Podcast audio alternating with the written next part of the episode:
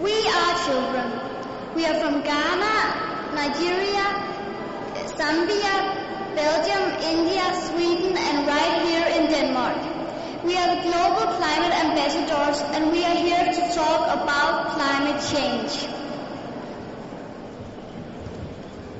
Climate change is here right now. In the past, it was only a question about our future. No more. Climate change is here now. We see it, we hear it, and we talk about it. We worry about our future. In India, children are passing out from heat in the classrooms and on the streets. Sea rise has already made homes and villages disappear. In Ghana, children go hungry because it's so dry that food cannot grow on the fields. When the rain patterns change, farmers don't know when to sow their crops. Wildlife is going extinct. In Zambia, schools are flooded and they are thinking about building floating schools.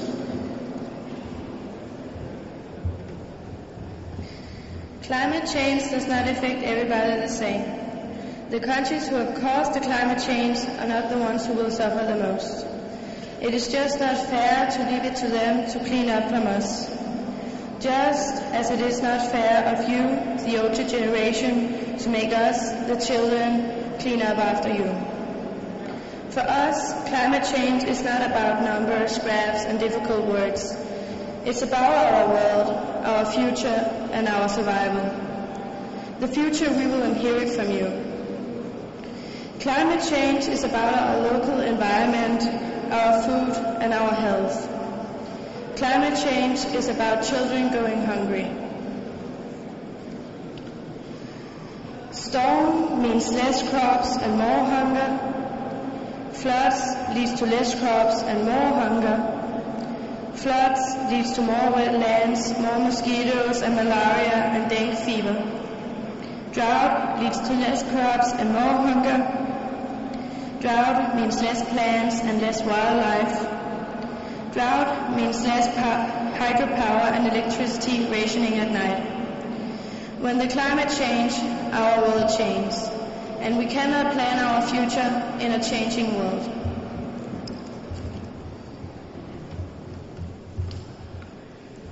Please, we want to plan our future.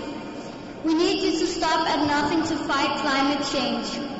We are children and you should listen to us. We did not decide to burn fossil fuels, but we are the ones who will feel the consequences on our bodies. We represent the future and as the leaders of tomorrow, we are the ones who will have to deal with those consequences long after you're gone. We are the ones who will write the history books, and we are the ones who will judge you by what you do, not what you say. It seems we are the only ones with the energy and open-minded enough to take this seriously.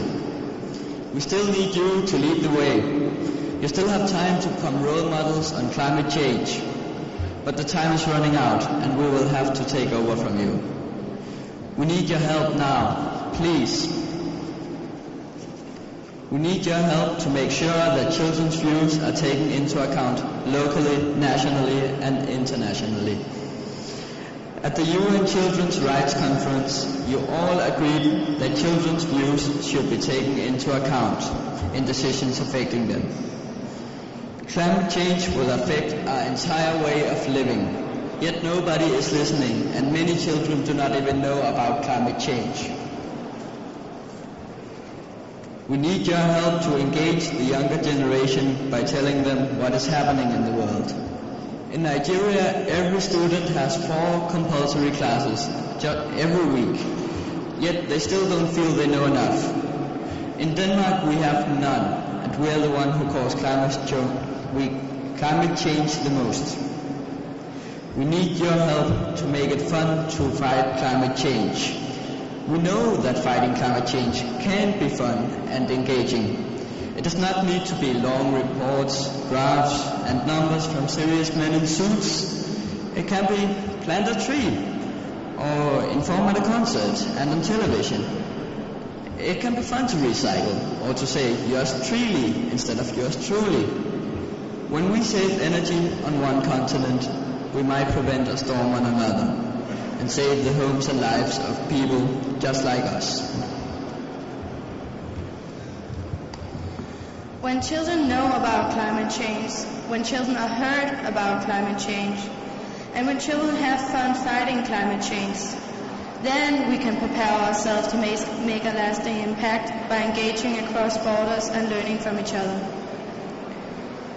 Climate change is global, and to fight it, we must work together globally. We can use social media to interact the world.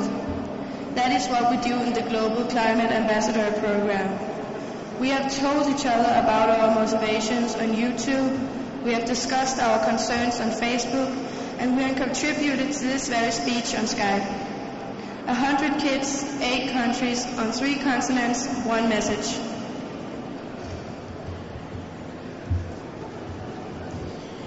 Through new technology and social media, we can put a face on kids from around the world and consequences of climate change. We learn about our future.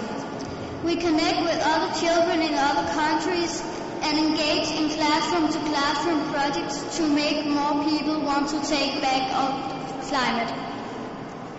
Tonight we release this report with a lot of ideas on how to motivate children.